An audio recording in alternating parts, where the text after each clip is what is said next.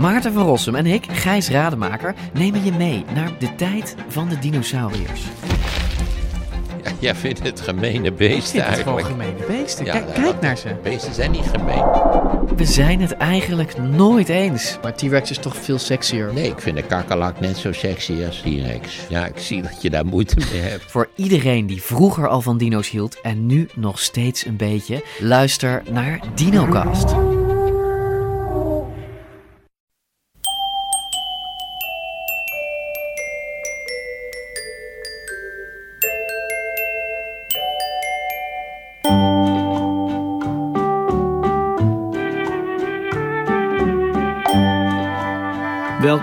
Dit is aflevering 290 van Echt Gebeurd. De podcast waarin waargebeurde verhalen worden verteld door de mensen die ze zelf hebben meegemaakt.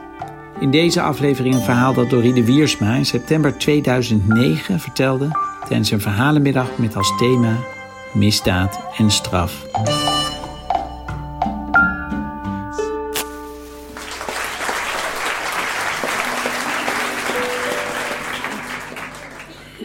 Mijn verhaal begint in 2006.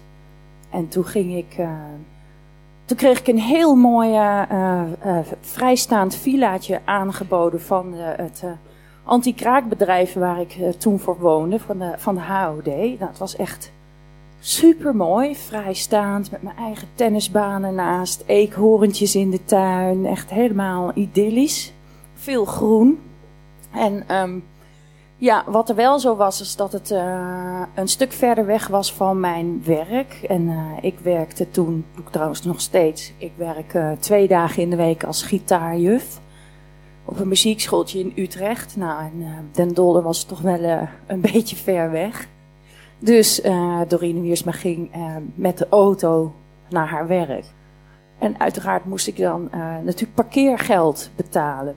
4,80 euro per uur. Nou, toch best eh, veel geld. En eigenlijk vond ik dat nog niet eens het ergste. Maar wat ik ook heb, is dat ik echt zo'n notoire vijf minuten te laat eh, komer ben.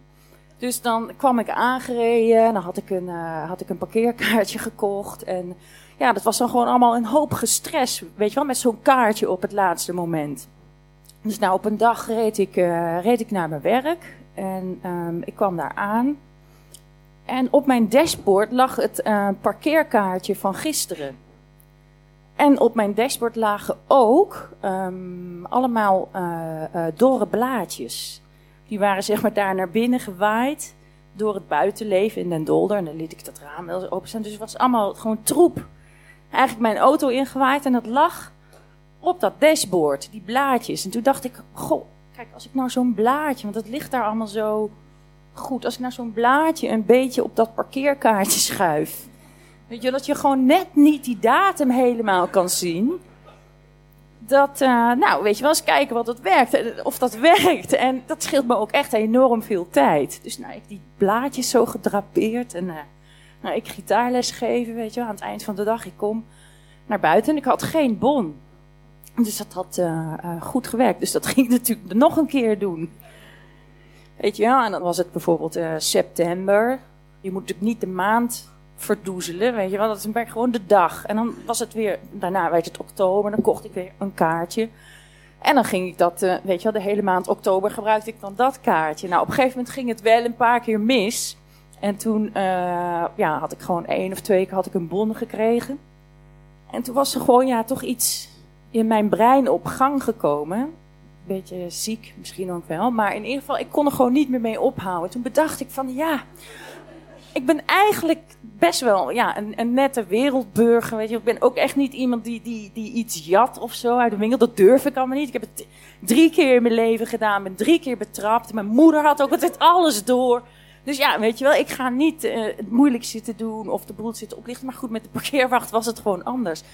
Het, ik kon gewoon niet meer mee ophouden. Dus toen bedacht ik, van ja, als ik nou gewoon die eh, datum, weet je wel, je moet, dat, moet gewoon die datum moet anders. En toen had ik, eh, had ik dus creatieve inval. Ik dacht, als ik nou de datum uit een ander kaartje knip en ik plak dat daarop, dat moet gewoon dan toch heel erg goed kunnen werken. Nou, en dus toen ben ik eh, naar de naar het postkantoor gegaan. Ik heb een pritstift gekocht en een schaar. En ehm, ja, ik had zeg maar wat oude parkeerkaartjes. Dus dan knipte ik, weet je, had ik bijvoorbeeld een kaartje van 13 september. En dan knipte ik uit een ander kaartje een viertje. En dat plakte ik op die drie van die 13. Dan was het 14 september. Nou, echt prima. Nou, op een gegeven moment, weet je, dan had ik ook weer gewoon, ik moet altijd alles eerst verkeerd doen voordat het allemaal goed gaat. In ieder geval, ik was dan wel zo, op een gegeven moment had, had was zo'n kaartje wel een beetje beduimeld van alle prit en zo wat erop zat. Dus, uh, nou, dan ging ik op tijd gewoon dan een nieuw kaartje kopen en dan kon ik dan gewoon weer een tijdje mee voort. Op een gegeven moment uh, was ik zwanger, werd ik zwanger, zo moet ik zeggen. En nou ja, het mag wel bekend zijn dat je hoofd dan toch ergens anders zit en zo. En dat hele parkeergebeuren. Ik werd eigenlijk, ja, ik werd, ik werd steeds nonchalanter. Weet je, en het lukte ook steeds. Ik bedoel, die parkeerwachten, ze kijken ook niet goed. Dus ik was gewoon, ja, echt heel erg overmoedig. En ik ging ook gewoon helemaal geen nieuwe kaartjes meer kopen, weet je. Ik jatste gewoon uh, dan die datum eroverheen. En op een gegeven moment dan was het dus echt zo'n heel goor parkeerkaartje. En ik gooide het gewoon onder het dashboard en ik ga lesgeven. Nou, en ik ben, ik weet niet, met mijn vierde of vijfde leerling ben ik bezig. En ineens wordt er aan de deur geklopt. En daar stonden drie agenten. Drie ook, niet één, maar drie. Dus ik, nou, ik, ik schrok nogal. Het, het, erg was, ik zat daar een zevenjarig, snoezig meisje gitaarles te geven. En die agenten die kwamen binnen, ook echt zo groot, helmen, brede schouders. Alsof het was gewoon echt eng voor haar, denk ik. Nou, ik vond het zelf ook niet echt heel prettig. Ja, en of ik dan uh, Doreen Wiersma was. Ik zeg, ja, ja, in zekere zin, ja. En of ik dan in het bezit was van een rode Citroën ZX. Ja, dat klopte. Oké. Wij hebben hier dit parkeerkaartje gevonden. Had ik dus mijn achterdeur open laten staan. En had gewoon, ja, toch een gisse parkeerwacht. Die had het gezien. Dat er iets niet helemaal in orde was met het kaartje. Dus uh, of ik dan even mee wilde komen. Ik zeg, nou joh, ik ben toch echt nu gitaarles aan het geven. Weet je wel, ik ben uh, klaar om half zeven. Ik kom naar het bureau. En dan handel ik het wel af. Nou, echt niet dus. ik werd er gewoon echt nog net niet in de boeien geslagen. En uh, ik moest gewoon meekomen. Dus ik zeg tegen het zevenjarige kind: Ja, sorry, de juffrouw wordt even ingerekend. Ga maar even iets voor jezelf doen. Ja. Ga maar al je liedjes oefenen die je het hele jaar hebt gehad. Nee. Nee, het was gewoon heel raar. Dus ik werd gewoon daarna met drie agenten ook, met al die bombardien. Ik ben naar boven en allemaal collega's. Hé, hey, Doreen, wat is er gebeurd? Dus ik mee naar die auto in. En uh, ik zat er dus met die drie agenten. De buiten stonden dan nog de twee uh, gissen parkeerwachten. Die het dan gezien en het dan ontdekt hadden. Dus ja, zeg maar, met z'n allen waren ze gewoon toch vijf knakworsten op de been voor één vervals parkeerkaartje. Mag er verder niet over oordelen, maar goed. Hoe dan ook, ik, werd dus, uh, ik moest die auto in. En uh, ja, in die auto ging, de agent achterin, die ging mij mijn uh, rechten voorlezen. Want die ging ook vertellen wat mij dan allemaal te wachten stond. Ik zei van ja, en uh, je wordt nu naar het bureau meegenomen en dan word je straks word je gefouilleerd. En uh, dus ik, oh, oh, oh. Nou, en die agent die stonk enorm uit zijn bek.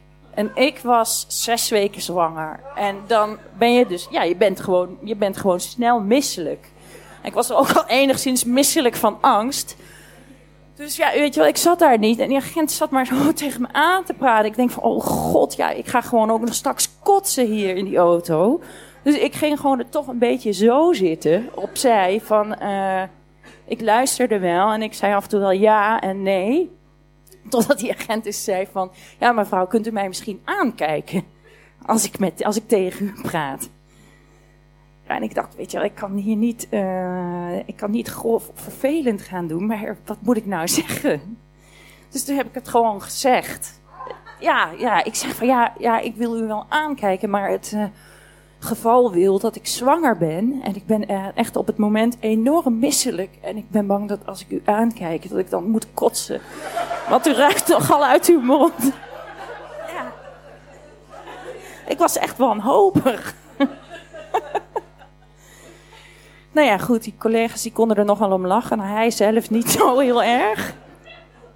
Dus ik, uh, nou ja, mee naar dat bureau. Dus op een gegeven moment, ja, ja, we gaan, uh, we gaan dan een, uh, een, een, een, vrouwelijke agent halen om je te fouilleren. En ik stond daar zo, ik had zo'n spijkerbroekje aan. Ik denk, god, ja, even, je gaat toch voelen of je niet iets hebt. Weet je wel, mijn tas was al afgepakt en onderzocht op wapenbezit. En uh, ja, vreselijk. Dus ik denk, god, nou, even voelen zo in mijn zakken. En toen, nou, toen viel ik echt bijna flauw. Toen voelde ik achter in mijn zak, in mijn, in mijn, in mijn kontzak, voelde ik een hele grote, dikke, vette prop zitten. En dat was dus een prop met allemaal verknipte parkeerkaartjes. Ja, een prop met arm. Ik denk, god, weet je, als ze dat gaan fouilleren zo. En ze komen erachter, dan kan ik ook niet meer zeggen dat ik het maar één keer heb gedaan. Dan weten ze gewoon dat het dagelijkse kost is. Dat moet ik gewoon niet hebben. Dus toen heb ik, uh, ja, daar in de brood, toen er gewoon even niemand keek, heb ik die prop uit mijn zak gehaald. En die heb ik, ja, zeg maar in mijn bilspleet zo gepropt. Ja.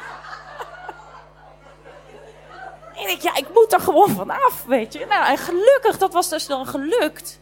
Want niemand, niemand had dat verder doorgehad. En ik zat daar gewoon, nou, toch wel trillend als een espenplat.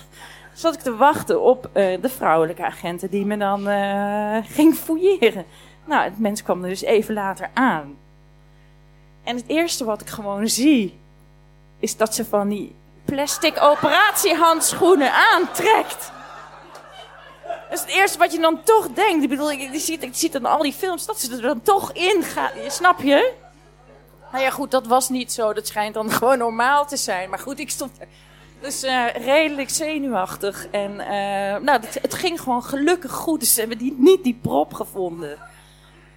En toen ben ik, uh, nou ja, toen ben ik dus zwanger en wel daar in de cel gezet. Nou, daar was niet zo heel veel gezelligs aan. En daar gingen ook wel toch allemaal gedachten door mij heen. Van god, hier zit ik dan nu met mijn ongeboren kind. ja, ik zat toch wel echt, echt na te denken over dingen en zo. En toen op een gegeven moment, nou, ik heb, moest ook echt drie uur wachten. Drie uur wachten op een officier van justitie die me dan uh, te woord kon staan. Ja, op een gegeven moment was dat dan zover. Om negen uur s'avonds. En toen werd ik verhoord. Nou, en zij vond het eigenlijk gewoon een hele goede grap. zij vond het echt een hele goede grap. En toen kreeg ik een, een boete van 200 euro. Ja, op zich gewoon best wel veel geld. Maar ja, het scheelde mij ook. Ik deed het al, ik deed al zeven maanden die vervalsing. Dat scheelt me, scheelt me ook 300 euro per maand. Dus ik dacht echt van, nou, het is nog winst. nou, en toen uh, nou ja, ben ik dus vrijgelaten. Heb ik een paar weken later heb ik die boete betaald. En nou ja, toen durfde ik het ook niet meer echt, natuurlijk. En ben ik op een gegeven moment ben ik wel, dat is eigenlijk te erg, maar goed. Toen had ik uh, weer een creatief inzicht. Toen dacht ik van ja, ik moet natuurlijk ook niet die datum vervalsen, maar ik moet gewoon de tijden vervalsen. En dat is eigenlijk, nou ja, op zich werkt dat heel goed. Het werkt niet meer met de parkeermeters die er nu zijn, waar je digitaal moet op intypen. Dat gaat niet. Maar gewoon bij die oude parkeerkaartje, je hebt dan gewoon een ander parkeerkaartje. Je knipt een tijd, weet je wel. Je, je knipt bijvoorbeeld een 9 uit het kaartje uit het andere kaartje. En dat plak je op de 3 van de 13 uur. En dan heb je van 13 uur heb je 19 uur gemaakt. Als je slim bent, pas je de prijs dan ook nog even aan. En uh, klaar ben je. nou ja, goed. De moraal van het verhaal is... Als je je parkeerkaartje vervalst, doe het dan wel netjes.